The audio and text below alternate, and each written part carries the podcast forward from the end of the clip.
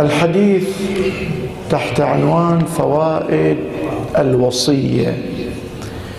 الروايات تؤكد على إنشاء الوصية سواء كان الإنسان شيخا كبيرا أم شابا. والزمان الذي نعيشه يثبت الحاجة إلى أن يتعجل الإنسان في كتابة الوصية. أبدأ بروايات مختصرة. عن رسول الله صلى الله عليه وآله الوصية حق على كل مسلم. وفي رواية أخرى المحروم من حرم الوصية. محروم من لفظ صدر من معصوم. يقول هذا الإنسان اللي اللي ما ينشئ الوصية هذا محروم. يعني خاسر حرم نفسه. ما ينبغي الرواية الأخيرة ما ينبغي لامرئ مسلم أن يبيت ليلة إلا ووصيته تحت رأسه. ليلة ما يخطر بدون وصية. هسه الوصية واجبة لو مستحبة الوصية في نفسها مستحبة. تجب لغيرها. كيف تجب لغيرها؟ إذا أنا علي واجبات أو ديون مالية خلقية أم خالقية؟ خالقية خمس زكاة كفارة ما شكل ذلك خلقية مثل ديون للبرادة وديون لفلان ولا فلان إذا أنا بانت علامات الموت وأنا ما قادر أوفيها في حياتي وأدري أو أحتمل أن عقب موتي إذا أكتب وصية يفضون ذمتي أحبتي الورثة مثلا في هالحالة يجب لأجل إفراغ الذمة مما اشتغلت به. هذا حكم شرعي والليلة حديثي ليس عن وجوب أو استحباب إنما عن الفوائد. بما يسمح الوقت الفائدة الأولى للوصية هي امتثال لأمر الله. وكل امتثال لأمر الله يثاب عليه المؤمن والمؤمنة. فاللي يكتب الوصية لأن الله أمر الله يثيبه هذا ثواب لا أطيل فيه. الثمرة الثانية أنها تفريغ ذمة. يعني شنو تفريغ ذمة؟ يعني أنا الآن في ذمتي صلاة. زين در أولادي أنا في ذمتي صلاة؟ لا يقولوا أبونا من يأذن قدام. بس ما يدرون بداية التكليف شنو كان. يمكن أنا اكتشفت خطأ في صلاتي يوجب الإعادة. ما يدرون الورثة. بل حتى لو يدرون أن عليه خمس سنوات صلاة مو واجب عليهم يقضون إلا الولد الأكبر بتفاصيل مو في كل حالة يجب. ويمكن الولد الأكبر ما يقضي. واحد يقول أبونا توفى وعنده تركة منطلع من فلوسه. فلوسه بتصلوا عنه إيه؟ لازم يرضون الورثة. هو ما وصى. بس هي صلاة في ذمته. الواجبات البدنية مثل صلاة وصوم ما نطلعها من التركة إلا إذا وصى. إذا ما وصى ما نطلع. مثلا لو عليه ديون بنطلع القرآن يقول من بعد وصية يوصي بها أو دين. نقدم لديون ناس يطالبون أول. لكن مسألة الواجبات البدنية ما نطلعها بدون وصية؟ إذا نوينا نطلعها لازم كل الورثة يقبلون. نطلع من تركتهم.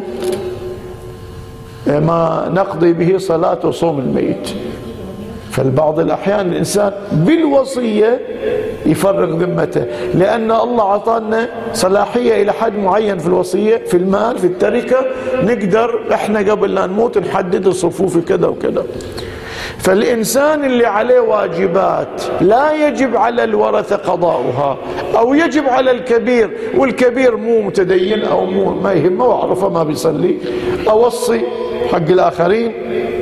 قبل لا يقسمون التركة يقضون ما في ذمتي من من حقوق شرعية وواجبات بدنية.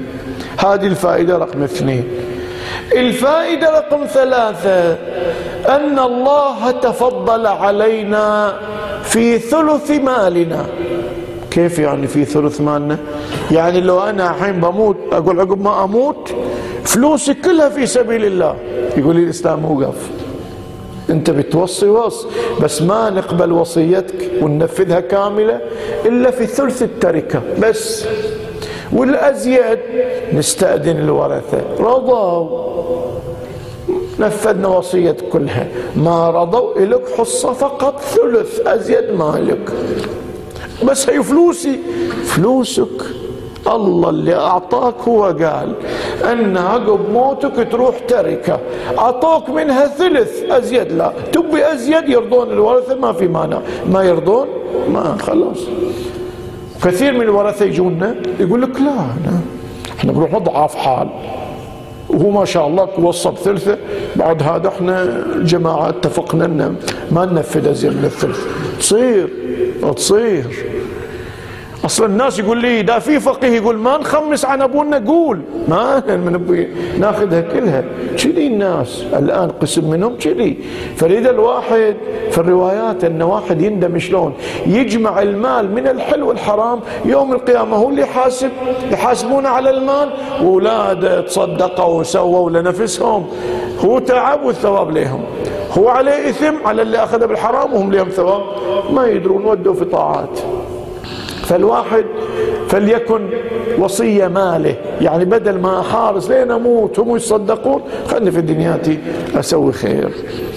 مع ذلك الله أعطانا الثلث. أقرأ لك روايتين. الرواية الأولى إن الله تعالى تصدق عليكم عند وفاتكم بثلث أموالكم زيادة لكم في أعمالكم. يعني بيصكون دفتر حسناتك. بس قالوا نعطيك مجال ثلث التركة تقدر تسوي أمور خيرية وبالتالي أنت ميت ولك ثواب ما صكوا دفتر الحسنات.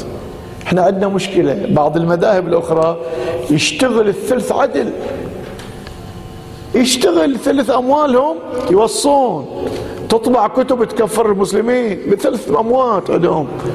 وإحنا للأسف ما عندنا ثقافة الثلث. بعض الأحيان نحتاج مات من كم سنين ما حد يوصي بثلث واحد يقول الحمد لله أنا ما علي لا صلاة ولا صوم. كل شيء مصلي مصايم ما علي واجبات.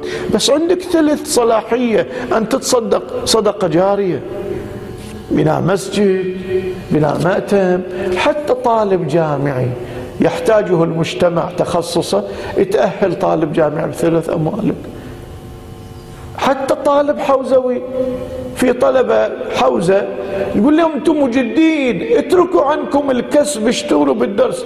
عندي أجار وعندي أطفال ما راتب ما عندي مضطر أشتغل. عندنا ناس نتمنى لهم التفرغ عندنا كتب تدافع عن المذهب ما عندنا من يطبعها. عندنا كتب وما عندنا مشاريع في المساجد. يطلبون أموال. يقول لك ما حد يتساعد. نبي نطبع كتيبات للأولاد نبي نشجعهم بجائزة نبي كذا. هي الثلث. يمكن أن مو لازم الثلث حتى لو قلت أقل. بس خل عندنا ثقافة أنفذ في الوصية نذكر الأمور الخيرية. شوف رواية رواية أخرى رويت عن المعصومين عليهم السلام. إن الله تبارك وتعالى يقول ابن آدم تطولت عليك بثلاثة. سترت عليك ما لو يعلم به أهلك ما واروك. مو الغرب الأهل. منو أعز الناس؟ الأم. خل أمك الله يطلع حال اللي في قلبك. شلون يعني؟ تقول لي مثلا يا ولدي تعال سوي كذي. في قلبي طحنة طحنة طحنة. قوم وجيب وجيب هاي ما تفضلي. هاي الظاهر بس في القلب شغير. لو الله أطلع الأم على اللي في قلبي يمكن هي ما هي ما وارتني كما في الرواية. يعني أهله ما يوارونه. فالله أول شيء ستر. اثنين الأمر الثاني يقول وأوسعت عليك مو أعطيتك كفاياتك في سعة. فاستقرضت منك فلم تقدم خيرا. كيف الله يستقرض وهو المالك؟ لطف من الله يعطي وفلوسه هذه ويقول من ذا الذي يقرض الله؟ وقرض الله شنو؟ ربا لو ربا الله يقول يربي ها؟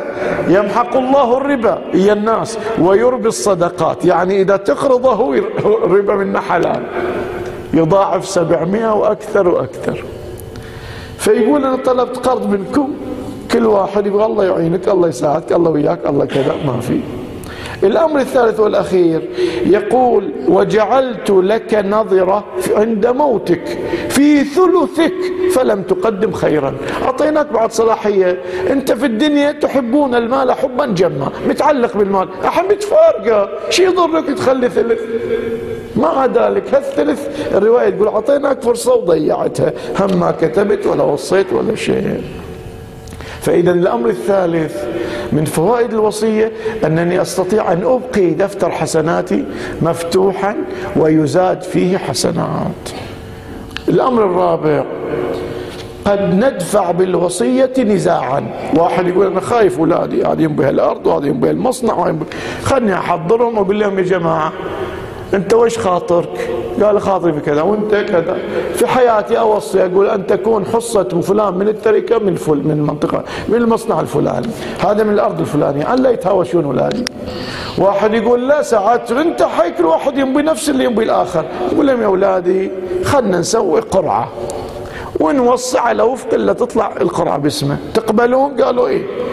وصيت وقبلوا كذا أدفع نزاع بينهم. كم من إخوة جاءون المكتب والله. يعني وش يقول لك؟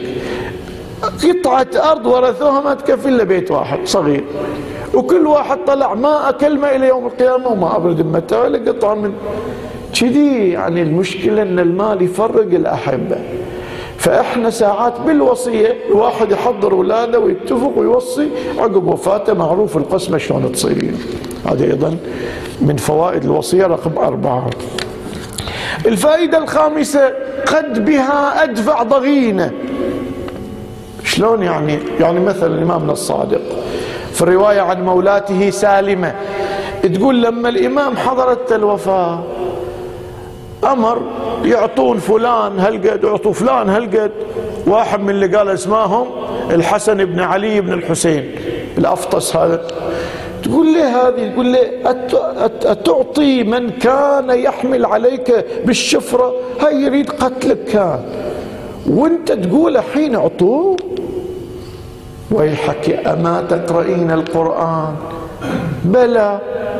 الله يقول في كتابه الذين يصلون ما أمر الله به أن يوصل ويخشون ربهم ويخافون سوء الحساب.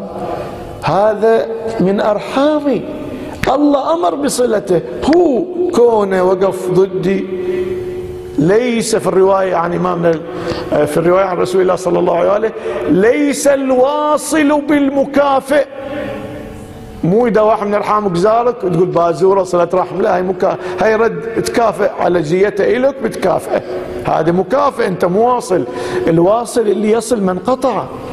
فالإمام يعلمنا في لحظاته الأخيرة. يقول حتى ساعات عندي في العائلة ناس مو هالقد وياهم أوصي لهم بحصة من مالي حتى أخرج من الدنيا وقد دفعت بالتي هي أحسن.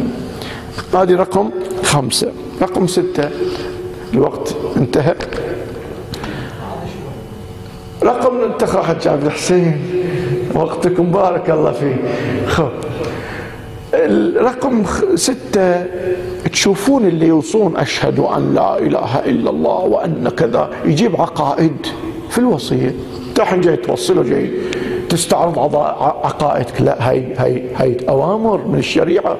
عندنا رواية تذكر فيها الإقرار بالعقيدة السليمة. فيها تفصيل ده أقرب التفصيل. والنبي يقول هي جبرائيل جابها. وعلم يا شيعة يا علي شيعتك. هذا الإقرار حتى تطلع من الدنيا وعندك وثيقة أن عقيدتك سليمة.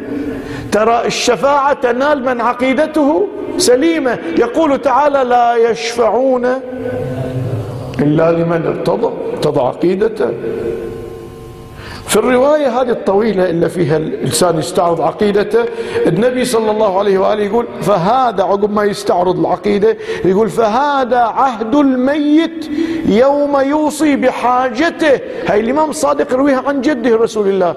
قال الإمام الصادق بعد ذلك وتصديق هذا في سورة مريم قول الله تبارك وتعالى لا يملكون الشفاعة إلا من اتخذ عند الرحمن عهدا. هذا العهد. وهذا هو العهد. عهدك تقول اشهد وكذا الله فاطر. اللي يريد هالمقطوعة موجودة عندي يمكن أطرش عليه عبر الواتساب. هذه فائدة رقم آه، ستة أن نقر بالوصية بالعقيدة حتى تكون عهد بيننا وبين الله. ننال بذلك الشفاعة. الأمر الأخير هو استغلال الظرف. إذا واحد بيموت عادة أحبته يعيشون شنو؟ حالة من رقة القلب. لأن الموت واعظ كفى بالموت. فالقلب الطبيعي الغير ملوث عند موت الأحبة يرق فيقبل على ربه. يعني في في أرضية لوصايا ومواعظ. فالميت إذا أوصى فليوصي أحبته. بمواعظ تنفعهم لأن قلوبهم الآن رقت. لهذا أمير المؤمنين عليه السلام في أيامه ولحظاته الأخيرة يوم بيوصي بالأمس أنا صاحبكم وأنا اليوم عبرة لكم وغدا أنا مفارقكم. أوصيكما يوصي الحسن والحسين و... وجميع أهل بيتي ومن بلغه كتابي. بتقوى الله. وظل عدد الله الله في الصلاة. الله الله في القرآن. الله الله في جيرانكم. الله الله في اليتامى. الله ظل يعدد هذا مقام يستغل الفرصة أمير المؤمنين ويوصي الأحبة من أهل بيته وشيعته ومن سمع إلى يوم القيامة من سمع هذا الخطاب يستفيد من أنفاس أمير المؤمنين. إذا هذه بعض الأمور التي هي فوائد للوصية. وفقنا الله للامتثال لما نسمع. أستغفر الله لي ولكم. والحمد لله لله رب العالمين وصلى الله على محمد وآله الطاهرين. محمد